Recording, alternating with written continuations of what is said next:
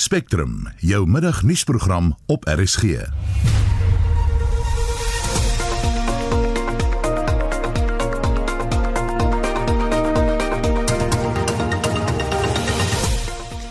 die program die premier van die Vrystaat waarsku teen 'n mensehandelsindikaat in die provinsie. Intussen sê die polisie dat boodskappe oor kinderontvoerings wat op sosiale media gedeel word vals nuus is. The kidnapping of children, that is not according to what is being portrayed in the social media space.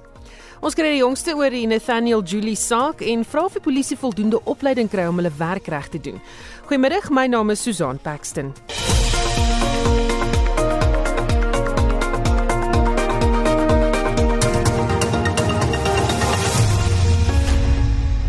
Dis 'n 10 minute oor 1 jy luister na Spectrum. Die premier van die Vrystaat het mense in Bloemfontein gewaarsku om ekstra versigtig te wees want daar is glo 'n menselhandels of mensehandelsindikaat in die stad besig. Die premier, Sephora Ntombela, sê dit loop ook hand aan hand met geweld teen vroue en kinders.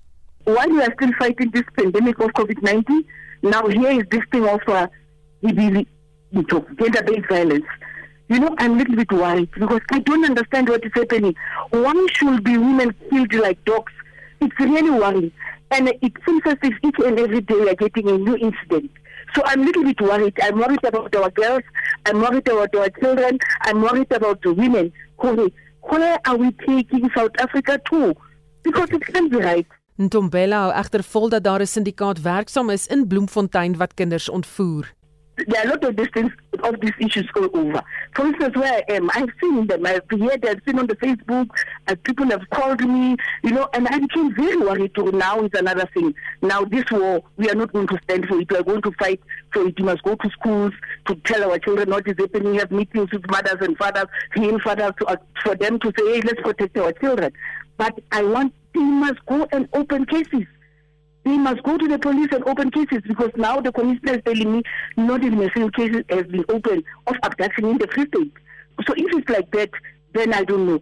But I, I just want to say, if anything like that, because I've seen it, I've heard it, I've seen the Facebook, this one, we are not going to allow it. Die nasionale polisiekommissaris Kegla Sitole het ook vroeër gesê die polisiebestuur is in gesprek met Interpol oor die kwessie van mensehandel. 'n Beweerde toename in die ontvoering van kinders in die land het vrese laat ontstaan dat dit verbind kan word met mensehandel. In Limpopo doen boodskappe op sosiale media die ronde oor die ontvoering van vroue. Sitole het in Pretoria aan die media gesê hulle werk op die oomblik aan 'n geïntegreerde transnasionale misdaadvoorkomingsraamwerk. 'n Transnational level We've got transnational organized crime operations that we share with the subco countries, which are the neighboring countries, the SADC countries, but it is also a crime that we're looking at at Interpol level. These are integrated and multidisciplinary investigations. We are also working on transnational crime prevention framework. Maar daar blyk verwarring te wees oor of die berigte wel waar is oor die ontvoering van kinders wat oral op sosiale media versprei word. Die minister van Polisie, Bekkie Cele, het gemaand teen vals nuus wat op sosiale media versprei word oor die kwessie. Die nasionale polisiewoordvoerder, Vishnu Naidu, maan ook mense om nie op hol te raak oor alle boodskappe in die verband wat op sosiale media platforms versprei word nie. We starting to notice people posting voice notes and videos of themselves claiming that uh, child kidnappings as well as human trafficking are on the rise and that's not, not that is not true the kidnapping of children that is not according to what is being portrayed in the social media space En dit was die woordvoerder van die Suid-Afrikaanse Polisie Diens Vishnu Naidu. Ons bly by die storie, 'n koördineerder van die organisasie Freedom Challenge Africa, Annelise Tennyson sê mensehandel neem wêreldwyd toe. Die wêreldwye aanduiding is dat omtrent 40 miljoen mense in een of ander vorm van mensenhandel vasgevang is. Dit is natuurlik baie moeilik om die ware absolute totale syfer te gee want meeste van hierdie gevalle is um, agter geslote deure. Dit gebeur waar mense dit nie gewoonlik sien nie. So dit is nie noodwendig die akkurate syfer nie, maar dit is omtrent die geskatte waarde dat omtrent 40 miljoen mense wêreldwyd vasgevang is in een of ander vorm van slawerny. In Suid-Afrika is die aanleiding so 155 000 volgens die nuutste verslae wat ons gekry het. Maar weer eens, dis nie 'n akkurate aanduiding van presies hoeveel nie. Ek dink wat baie belangrik is in Suid-Afrika is om te sê dat die aanduidings is dat meer as 50% van die mense wat in die bevolking van Suid-Afrika is, is kwesbaar om uitgebuit te word vir slawerny. En dit is vir verskeie redes, vir seksuele uitbuiting. 'n Groot probleem in Suid-Afrika is natuurlik ons uitbuiting in ons werksmag. Met ander woorde, onmenslike omstandighede waarin mense werk of dat hulle nie regverdige betaling kry nie of dat die omstandighede waarin hulle werk nie menswaardig is nie. So ek dink die handel vir mense met werksgeleenthede is 'n groot probleem in Suid-Afrika. En ja, dan die ander twee forme van mensenhandel ook is geforseerde huwelike en orgaanhandel is ook 'n vorm van mensenhandel. En weer eens daai syfers vir daai gevalle is nie wyd beskikbaar nie dit word maar op die kwesbaarheid syfer ge, geskat. So daar is nie heeltemal akkurate syfers nie. Kan julle al bepaal wie doen die mensehandel? Ja, ons leer altyd vir mense dat mensehandelaars is nie iemand wat noodwendig anders lyk en optree as 'n normale mens nie. Daar's nie enige spesifieke karakter of fisiese manier wat ons hierdie mense kan uitken nie. So mensehandel is ongelukkig iets wat 'n realiteit is van alle sirkels van samelewing. So jy kry syndikaate wat in beheer is van hierdie goed, maar dan kry jy ook jou mense wat net miskien 'n paar vrouens aanhou in 'n bordeel en op daai manier hulle uitbuit. En dan natuurlik ook daar is professionele mense ook betrokke as dit kom by orgaanhandel kan daar professionele mediese personeel betrokke wees daarbye as ons dink aan die groot industrie van pornografie wat nie direk verband hou met mensenhandel nie, maar wat definitief een van die wat soos ons wat sê die root causes is, is daar natuurlik tegniese mense um, wat spesialiste is wat die kamera werk moet doen, wat die webwerwe moet opstel. So dis regtig 'n baie verskeidenheid van mense wat betrokke is in hierdie netwerk. En dan is daar ook natuurlik dis 'n kriminele industrie wat gefinansier moet word. So daar's finansiers wat hierdie syndikaate finansier om wat hulle ook al wil doen of gefinansier moet kry, erns moet die geld vandaan kom. Maar daar is 'n verskil tussen ontvoering en mensenhandel.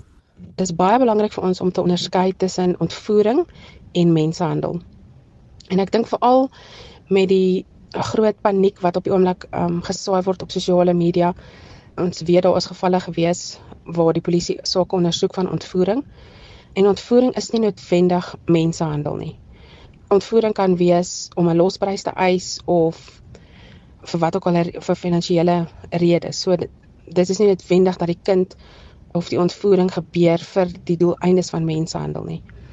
Mensenhandel se se einddoel is om 'n wins te maak uit daai persoon wat hy ook al vir jou doen. Of dit nou die uitbuiting is um deur seksuele um uitbuiting of geforseerde arbeid of geforseerde huwelike of orgaanskenking. Daar's 'n rede hoekom dit gedoen word. En ek dink ook is baie belangrik vir ouers om nie paniekerig op hierdie stadium te raak wat dit betref nie want ons weet daar is slagoffers wat ontvoer word vir 'n spesifieke doel, um deur mensenhandel, maar dit is 'n baie baie klein persentasie. Die grootste manier hoe mense nog steeds vasgevang word in een of ander vorm van slawerny is deur 'n triek. Met ander woorde, jy word iets aangebied of iets gegee wat nie waar is nie. En jy glo dat jy doen nie jou huiswerk daaroor nie. Ouers kyk nie in op ehm um, geleenthede wat hulle kinders aanvaar of werksgeleenthede nie. En dan dit is wat die mensehandelaars dan aanbied vir mense om hulle eintlik in te lok om uitgebuit te word. Annelise, hoe veilig is ons kinders? Ja, hoe veilig is ons kinders? Dit bly maar altyd elke ouer se bekommernis ouers wat in ons land op hierdie stadium miskien bietjie paniekerig is of onseker is oor die veiligheid van hulle kinders, wil ek eerstens sê jou kind is so veilig soos wat jy betrokke is by jou kind. Ek het vir jou vroeër die voorbeeld gegee, mense op hierdie stadium saai baie paniek en angs en vals boodskappe word ongelukkig ook altyd in hierdie tyd versprei wat nie die waarheid is nie. Maar my vraag is hoe veilig is jou kind met 'n selfoon vir 'n 9-jarige op die internet en jy het geen beheer of toegang of toesig oor oor waar jou kind rondry nie. So veiligheid gaan nie net fisies oor jou fisiese veiligheid van die kind nie. Dit gaan ook oor die emosionele veiligheid van jou kind. Is jy bewus van die maat wat jou kind het waar hy uithang? ehm um, waar hy is ten alle tye. So ek dink dit is belangrik vir ons om te verstaan dat ons moenie eerstens moenie paniek saai as jy nie 100% seker is dat die berig of die stemnota wat jy gekry het die waarheid is nie. In die tweede plek, as jy enigsins onveilig voel in 'n situasie, is daar maniere of is daar goed wat jy kan doen. Ehm um, so dis baie belangrik om hierdie gesprek met jou kind te hê, ehm um, dat hulle weet wat om te doen. En dan het aan die derde plek ons het ehm uh, wat ons noem 'n human trafficking resource line. Dis 0800 22277. En dis 'n anonieme lyn. So as jy in 'n situasie is waar jy vermoed dat jou kind dalk uitgebuit word vir een of ander um, vorm van mensenhandel of jou vriende, dan is jy welkom om die lyn te skakel. Hulle kan selfs gebruik word vir wetting ook. Wat ons noem wetting, dit is wanneer jy 'n werksgeleentheid of 'n studiegeleentheid het of die agentskap werk en jy wil seker maak dat hierdie geleentheid wel die dit is wat dit sê dit is. En net as jy vra het ook. Ehm um, dis ook met 'n resource line is. So enigiemand kan kan die lyn bel en soos ek sê, jy kan op die webwerf anonieme uh, verslag ook stuur. Ehm um, en elkeen van daai sake word opgevolg en die wat oorhandig moet word aan die valke word dan oorhandig aan hulle as daar enige ondersoeke moet wees. En dit is baie belangrik om te um, weet ook dat daar is nie 'n wagtydperk vir kinders om as vermis aangemeld te word nie. Jy kan onmiddellik as jou kind vermis is vir hulle aanmeld. En dit was Annelies Tennyson, 'n koördineerder van die organisasie Freedom Challenge Africa wat met Vincent Mofokeng gepraat het. Die vakbond Nomsa het vanoggend 'n optog gehou na die Zimbabwese ambassade in Pretoria uit protes teen die menseregte skendings in die land. Ons verslaggewer Lila Magnus was daar en ons praat nou met haar. Goeiemôre Lila. Goeiemôre Susan. Wie is almal betrokke by die optog? Wel dit is net lede van Nomsa wat by die optog betrokke is, maar daar is ook mense van Zimbabwe wat in Suid-Afrika bly wat wat deelgeneem het en hulle stories kon vertel het. En waarom betoog hulle presies? Wel, dit gaan oor die menseregte skendings in Zimbabwe. Nomsa sê hulle is deel van die hele Afrika werksmag en as die mense in Zimbabwe nie vry is en in 'n demokrasie leef nie, dan kan die mense in Suid-Afrika, die werkers in Suid-Afrika, nie dieselfde regte geniet of rus nie. Hulle sê sedert ehm um, president ehm um, Mnangagwa oorgeneem het, het die situasie in Zimbabwe net vererger. Die ekonomie het in daai gestort. Daar's nie werk vir die mense nie en dat menseregte skendings weet wil te wakker gepleeg word deur die weermag en die regerings uh, um, amptenare. Hulle ehm um, sê veral na joernaliste die enorme hoeveelheid korrupsie in die land oopgevlek het. Ehm um, het daar veral op joernaliste en aktiviste is daar toegeslaan en hulle is net voor die voet in die tronk gegooi. Sou enige spesifieke eise gemaak? Ja, hulle sê die Afrika Unie moet die menseregte skendings in Zimbabwe ondersoek en dien daar gevind word dat ehm um, die president Mnangagwa en sy regering skuldig is aan sulke ehm um, oortredings hulle in hegtenis geneem moet word en dan moet hulle verhoor word en indien hulle nou skuldig vind word, bevind word met hulle tronk toe gaan. Hulle wil ook hê joernaliste, aktiviste en vakbondlede wat in hegtenis geneem is moet toegesluit, ag, wat toegesluit is moet weer vrygelaat word. Hulle ehm um, sê daar moet 'n onafhanklike regsbank moet gestig word en hulle wil onder meer hê dat vryheid van spraak en mediavryheid weer teruggebring word na Zimbabwe. Het verteenwoordigers van die Zimbabwese ambassade die betogers toegespreek? nie toegespreek nie, maar hulle het uitgekom om die memorandum te ontvang en die president van ehm um, NUMSA Andrew Chiriwa het daarop aangedring dat hulle moet sê wat gaan nou met hierdie memorandum gebeur. En aanvanklik het die man gesê wel hulle sal dit deurlees en sorg dat dit by die regte kanale en departemente uitkom te sê hulle maar uh, daar's geen rede om ondersoek in te stel nie.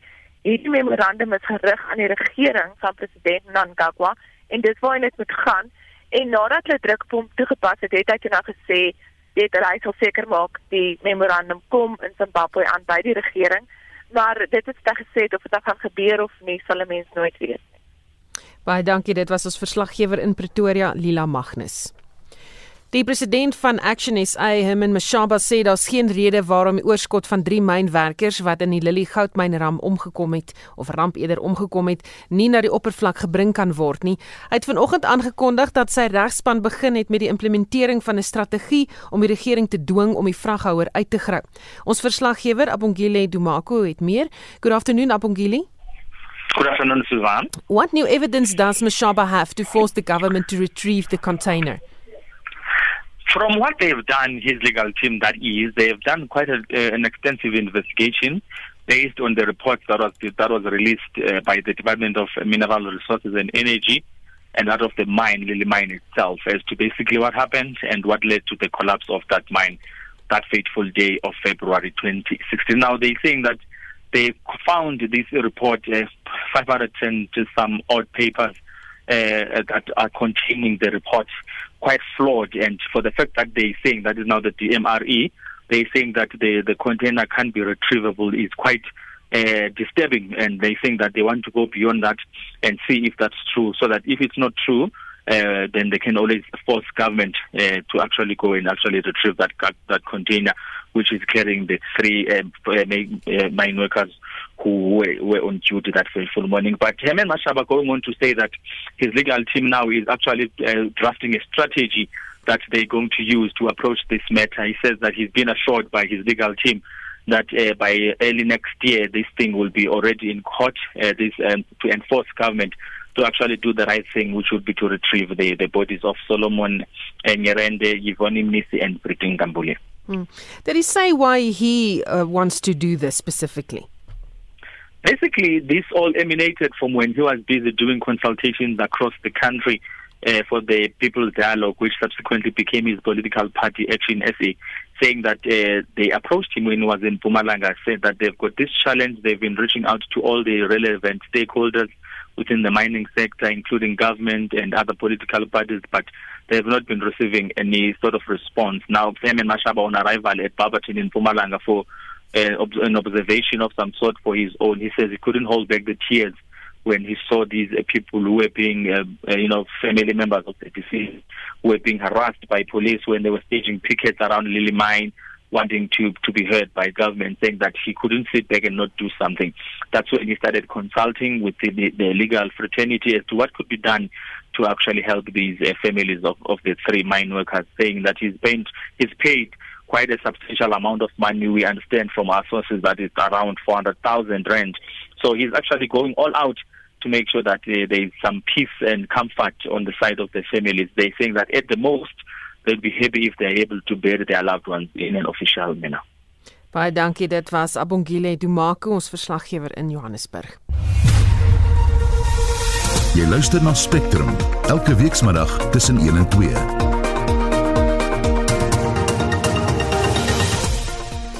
Die program ons kry net hier na die jongste oor die borgtog aansoek van die polisiebeamptes wat aangekla word van die moord van Nathaniel Julius. 'n Kenner gee sy mening oor hoe die polisie in vandag se tyd optree en Suid-Afrikaners sal vir minstens nog 'n jaar moet vasbyt met beerdkrag. Bly ingeskakel. Daar is geen verkeer. In KwaZulu-Natal was daar 'n botsing op die N3 Wes net na die Pavilion wisselaar, regterbane toe daar. In Kaapstad staan 'n voertuig op die N2 stad in op Hospitaal draai, een baan toe daar. En in Gauteng Johannesburg staan 'n vragmotor op die N17 Oos net na Wits Rifles Rylaan in die linkerbaan en dit is jou verkeersnuus. Die borgtog aansoek van drie polisiebeamptes wat aangekla word van die dood van Nathaniel Julius van Eldorado Park in Gauteng is vandag in die Protea Landdroshof in Soweto voortgesit. Die drie beamptes word aangekla van moord, regsveruideling, die besit van verbode ammunisie en die afvuur van 'n vuurwapen in die openbaar. Ons praat nou met ons verslaggewer wat die borgtog aansoek bywoon, Prabashni Moodley. Good afternoon Prabashni. Good afternoon. What happened in court today? So it's day two of the bail application here at the Protea Magistrates Court, and we're basically hearing defense attorneys submitting their applications for bail. The proceedings began a bit late, but it did begin with the advocate Jeff Maleke representing accused number two, Keelan Whiteboy. He basically submitted that certain admissions have been made on the part of its client However, the state has not attested to them. He said that the state did not read the application statement, and he also went on to say that the state is sensationalizing the case and making it emotional rather than actually sticking to the facts he says that the blame for the murder actually lies with the dysfunctionality of the police service and that if we had a proper functioning professional police service, the incident would not have happened. Now, despite a white boy yesterday telling the court that she pulled the trigger, Maluleke says the state does not actually have any basis to continue detaining his client. He says he's confident that the state will not be able to secure any convictions because their state is in fact weak, according to Maluleke. He also reiterated that uh, when his client pulled the trigger, she was unaware the gun was actually loaded with live ammunition and she thought that it was actually loaded with rubber bullets. We also heard from advocate Albert Motloko, who is representing accused number three, that's Foster Nechiongolo, and he says that the charge of common assault cannot apply to his client because he was not present at the time of the murder. Now, you would remember that Nechiongolo was off sick on the day of the incident. And because he's a detective with SAPS, accused number one, and the Alvane called him from the Chris Hani Baragwanath hospital to assist him to fabricate the crime scene and make it look like a shootout with a drug gang actually took place in Eldorado Park. Nine motivating for Bill Matloko said his client is not a danger to the community and this is actually his first offense. Interestingly enough, there were a lot of tough questions coming through from Magistrate David Mongo, basically asking if Nechiongolo was off on the day of the incident, why in the world was he tampering with a crime scene? Um, is the state opposing the police officers' bail applications? Yes, definitely. That was the situation uh, since yesterday. The state said from the beginning that they are opposing bail for all three of the accused, and they've been fighting for that um, since the start of the bail application. And when will the court give a verdict on the bail application? Do we know yet? We were initially anticipating that we would be able to get an answer on um, bail by this afternoon, but it's seemingly unlikely at this stage because uh, the defense attorneys, uh, have, while they've submitted their affidavits in support of bail, the prosecutors obviously poking holes in all of those affidavits. So while we're on a short adjournment now, it seems as though that cross uh, cross examination in terms of the affidavits will continue after this. So, as, as, as much as everyone is anticipating, there may be a verdict on the bail this afternoon. It seems unlikely at this stage. Is there a big crowd at the court again? Yesterday, uh, you would remember that there was a large, uh, large, large uh, appearance, especially from uh, support rather from the public. But today, it seemed as though the support from the public diminished slightly. While there is a lot of community support, especially uh, from the community leaders in Eldorado Park, uh, the support is not as vast and as prominent as we saw at the court yesterday. You would remember that we had a lot of commotion uh, and altercations between the community and that of the police because there wasn't enough space in the courtroom for uh, all of the journalists and all of the community members, but it seems like today uh, just a few community leaders are here representing uh, the Eldorado Park community at large. Baie dankie. Dit was ons verslaggewer Prabashni Moodley wat die borgtog aansoek bywoon. Nou die polisie se verweer in die geval van die Nathaniel Julie saak laat talle wenkbroue lig oor die optrede van die wetstoepassers tydens sulke operasies. Ons praat nou met 'n onafhanklike navorser in kriminologie, Dr. Henny Logner. Goeiemôre Henny. Goeiemôre Susan. Wat dink jy van die polisielede se verweer in die hof oor hoekom Nathaniel Julie se dood is? ek dink my persoonlike mening is ek, ek dink hulle gaan bond staan tydens die verhoor. Dit dit klink dit klink nie reg nie en as die klagtes van van regsvereising dat hulle met die toneel hanteer het, dan dink ek het hulle nog groter probleme. Hm. Na al die jare, so ver terug as 2014, is daar berigte van mense wat dood is as gevolg van polisieoptrede in weet tydens betogings.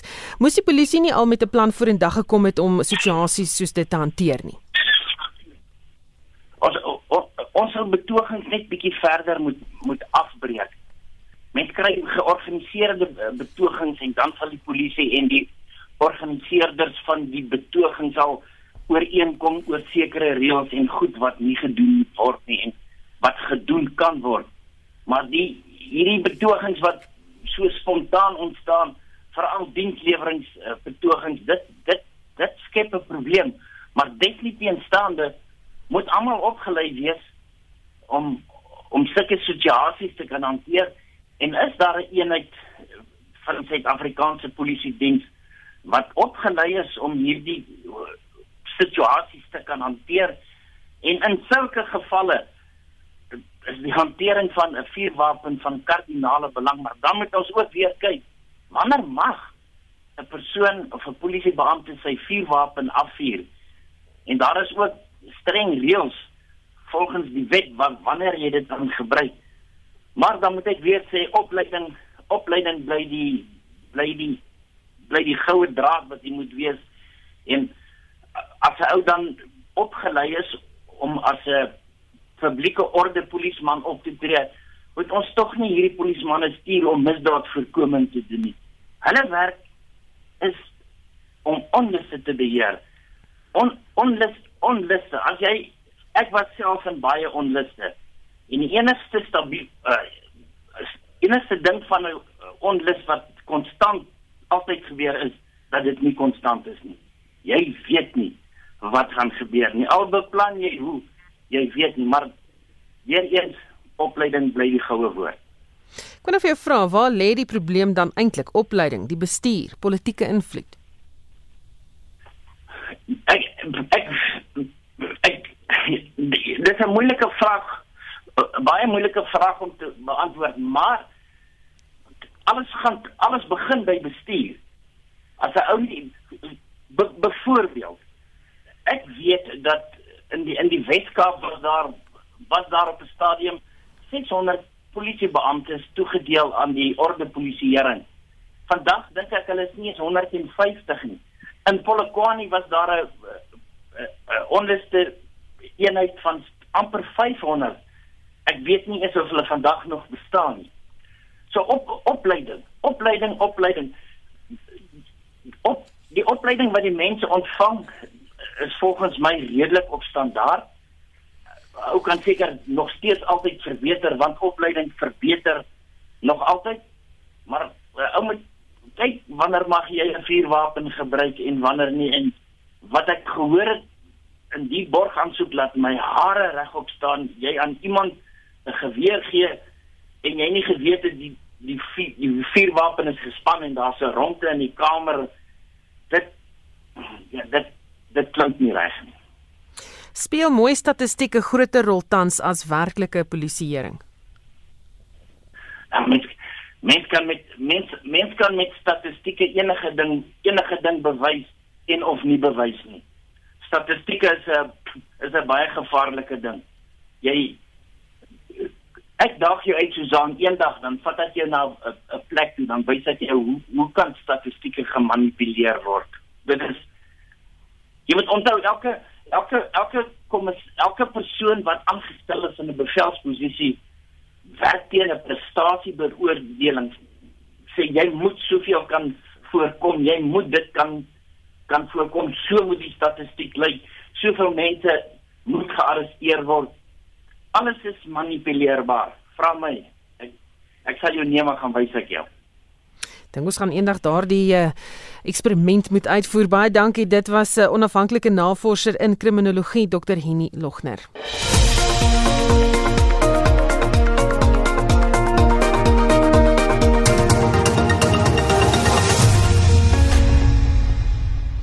So 1346 bykans 1347 hier Shaun Jooste en hy gaan kyk na wat uh, in die sportwêreld gebeur. Vandag op die tennisbaan in die tweede ronde van die Hamburg Ope in Duitsland het Casper Ruud van Noorwe na die kwartfinale deurgedring na die Fransman Benoit Paire weens besering onttrek het. Ruud was 6-4 en 2-0 voor. Die Griek Stefano Tsitsipas meet nou nou teen die Brit Daniel Evans kragte. Suid-Afrikaanse Lloyd Harris speel in die tweede ronde van die Challenger toernooi in Italië teen die Amerikaner Bjorn Fratangelo. En by die Strasbourg Vroue Ope in Frankryk kom die Rus Ekaterina Alexandrova nou teen die Tsjeeg Katerina Siniakova en Arina Sabalenka van Belarus later teen Anna Blinkova van Rusland te staan. Op die cricketveld pak die Kolkata Knight Riders en Mumbai Indians mekaar vanmiddag 4uur in Abu Dhabi in die IPL reeks. Die Protea palkiewagter Quinton de Kock is die enigste Suid-Afrikaner wat in aksie is. Hy speel vir die Indians. Die tweede van 5T20 wedstryde tussen Engeland en die Windies se vrouespanne begin vanaand 7uur in Southampton. Die tuisspan loop 1-0 voor. En laastens in sokkernuus. Vanaand se derde ronde Ligabeker wedstryde waarin Premier Liga spanne betrokke is, is 8uur Fulham teen Sheffield Wednesday, Millwall teen Burnley en Preston North End teen Brighton and Hove Albion. En dan kwart voor 9 Chelsea teen Barnsley, Fleetwood teen Everton, Leicester City teen Arsenal en Morecambe teen Newcastle United. Dit was Shaun Jooste met die sporthoogtepunte.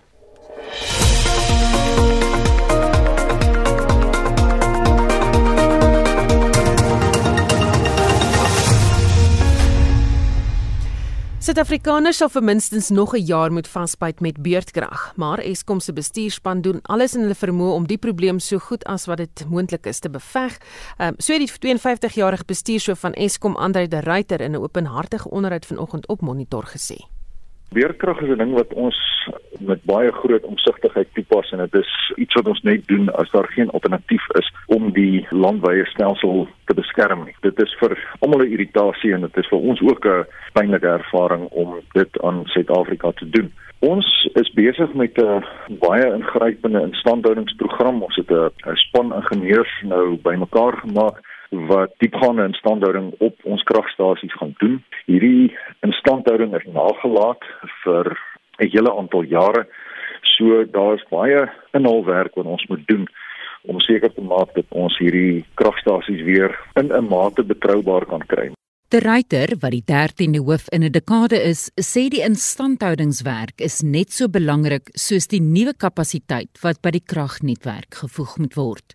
En daarom is dit dan so belangrik dat ons voortgaan met ontwondeling dat ons proses ondersteun so wat onlangs deur die regering aangekondig is om 11.8 gigawatt se nuwe krag aan te koop. En as ons al twee van hierdie goed doen dan dink ons dat die risiko op beurtkrag teen September volgende jaar so daar's nog mm -hmm. 12 maande van van pyn behoort die risiko redelik te verminder. Uh, let wel ek sê dit verminder dit gaan nie geëlimineer word nie en sodra daar addisionele kapasiteit bygevoeg word, dan kan ons speurkrag die nek inslaan.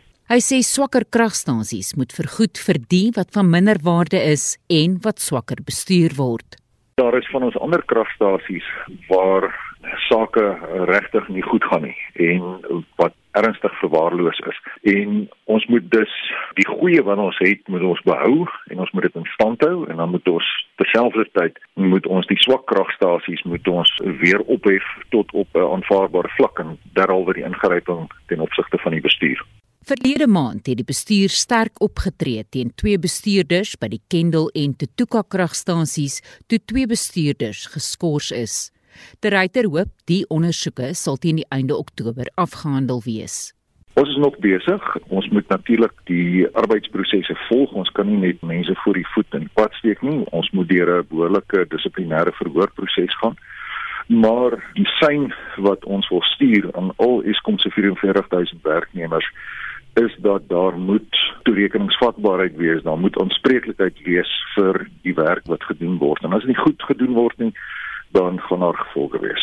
Die ryter sê hoewel die audit nog nie afgehandel is nie weens die vertragings weens COVID-19, gaan die kragrees waarskynlik vanjaar 'n verlies hê van 30 miljard rand. Die kragverskaffers se gemiddelde kragverkope daal met ongeveer 1% per jaar weens die toename van onafhanklike kragverskaffers.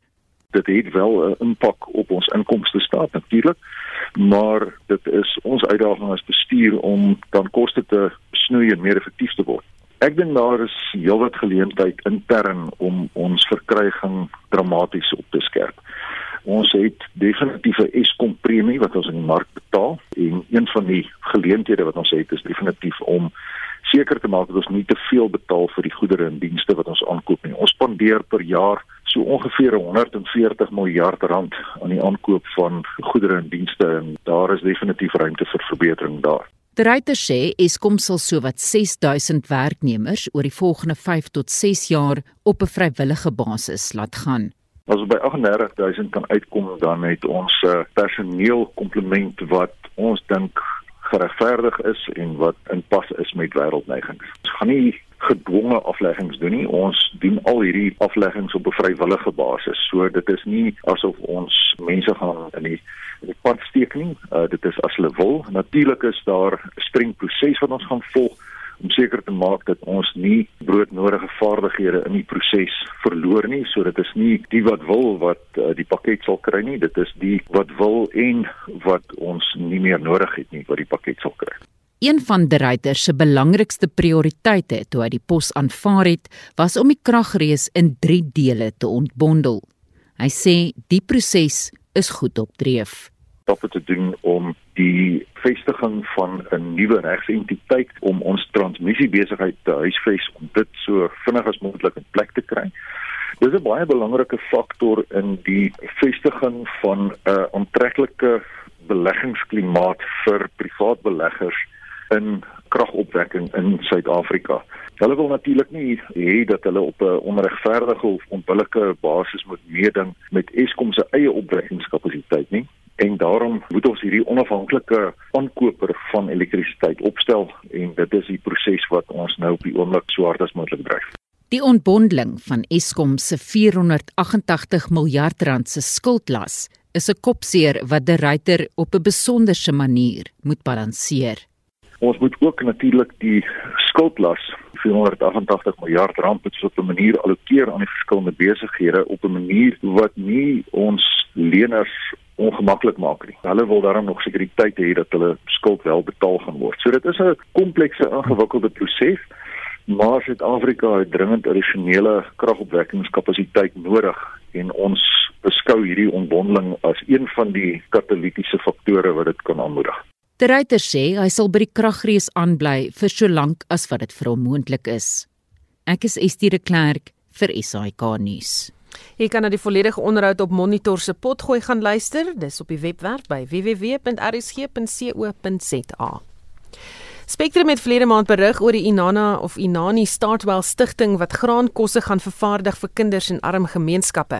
Die maatskappy het op 'n vraag oor of die produk dieselfde as EPAP is, geantwoord dat hulle kosse meer voedingswaarde het. Die stelling het EPAP omgekrap en hulle wil graag die geleentheid hê om hulle produkte te verdedig. Maar kom ons luister na 'n uittreksel van die onderhoud wat Mitsi van der Merwe aanvanklik gedoen het. Is dit so iets soos EPAP? Glad nie. As jy met arme mense werk, dan gooi die ouens gewoonlik soja na die probleem toe. So hulle gaan nou sê die mieliepappies het te min proteïene in. En om die min proteïene aan te spreek, gaan ons nou soja vir hulle gee. Nou ons bly weg van daai tipe van oplossings af. Want groeiende kinders het baie spesifieke aminosure en vetsure nodig wat jy nie by soja gaan kry nie.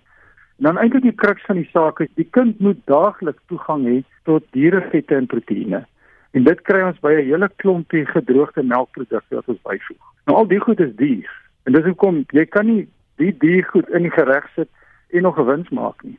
En dis hoekom ons die model moet op sy kop draai. Nou, ons praat nou met 'n voedselwetenskaplike by Econocom Foods, die vervaardigers van Epap Kara Nolte. Goeiemiddag Kara. Goeiemiddag Susan. Ehm um, ja, baie dankie vir die geleentheid en 'n goeiemiddag aan al die luisteraars. Sê vir my, kan julle waarborg dat julle produk voldoende voedingswaarde bevat?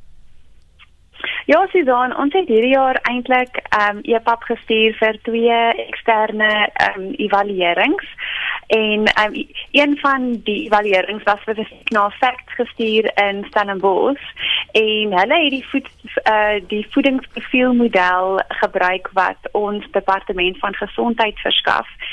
En ja, volgens die twee evaluasies was dit duidelik dat EPAP se voedingskwaliteit van 'n hoë gehalte is. Ag ja, ons wil ook net byvoeg ehm um, dat ons spesifiek ehm um, besluit het om sojabone te gebruik in ons produk omdat dit een van die enigste plant ehm um, voedingsbronne is wat baie hoog in proteïene en in vette is.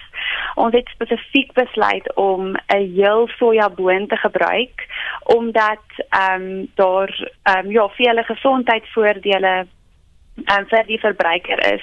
En ek moet byvoeg dat om 'n hele sojaboon te gebruik glad nie ehm um, ehm um, algemene praktyk is nie. En ons is ehm um, ja, ons weet dat soja se proteïene, al die proteïene verskaf wat die liggaam nie kan vers, uh, vervaardig nie. En spesifiek die kombinasie van 'n boon en 'n graan verskaf al die aminosure wat na die boublokkies is van proteïene wat 'n mens se liggaam nodig het.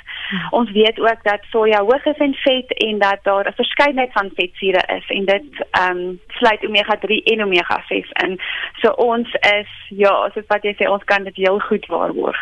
Kara, is dit nou as 'n handelsmerk geregistreer? Ja, Susan, dit is al eintlik sedert 2003 geregistreer as 'n handelsmerk by die Kommissie vir Maatskappye en Intellektuele Eiendom. Ons is nou in ons 20ste jaar van vervaardiging van EPAP en inligtinginsameling en ons is baie trots om te sê dat ons voeding verskaf aan gemeenskappe in 8 Afrika lande. Hoe werk dit? Wie betaal daarvoor? Hoe word dit versprei? Okay, so daar's drie verskillende maniere waarop ehm um, 'n mens dit kan ehm um, benader. Die een manier is deur die besigheid Econocom Foods wat EPAP vervaardig. Baie organisasies koop EPAP by ons teen 'n baie billike prys vir die kwaliteit wat ons verskaf. Die tweede manier is deur die EPAP Foundation wat gestig is.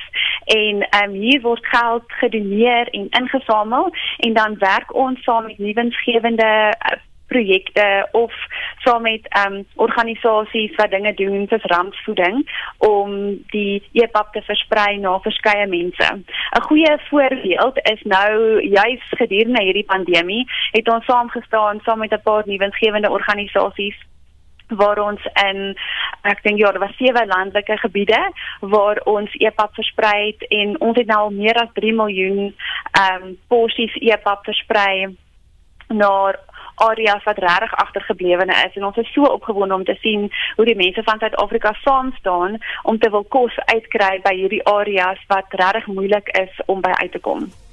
Wat 'n positiewe storie. Baie dankie. Dit was Kara Nolte, voedselwetenskaplike by Econocom Foods wat EPAP vervaardig.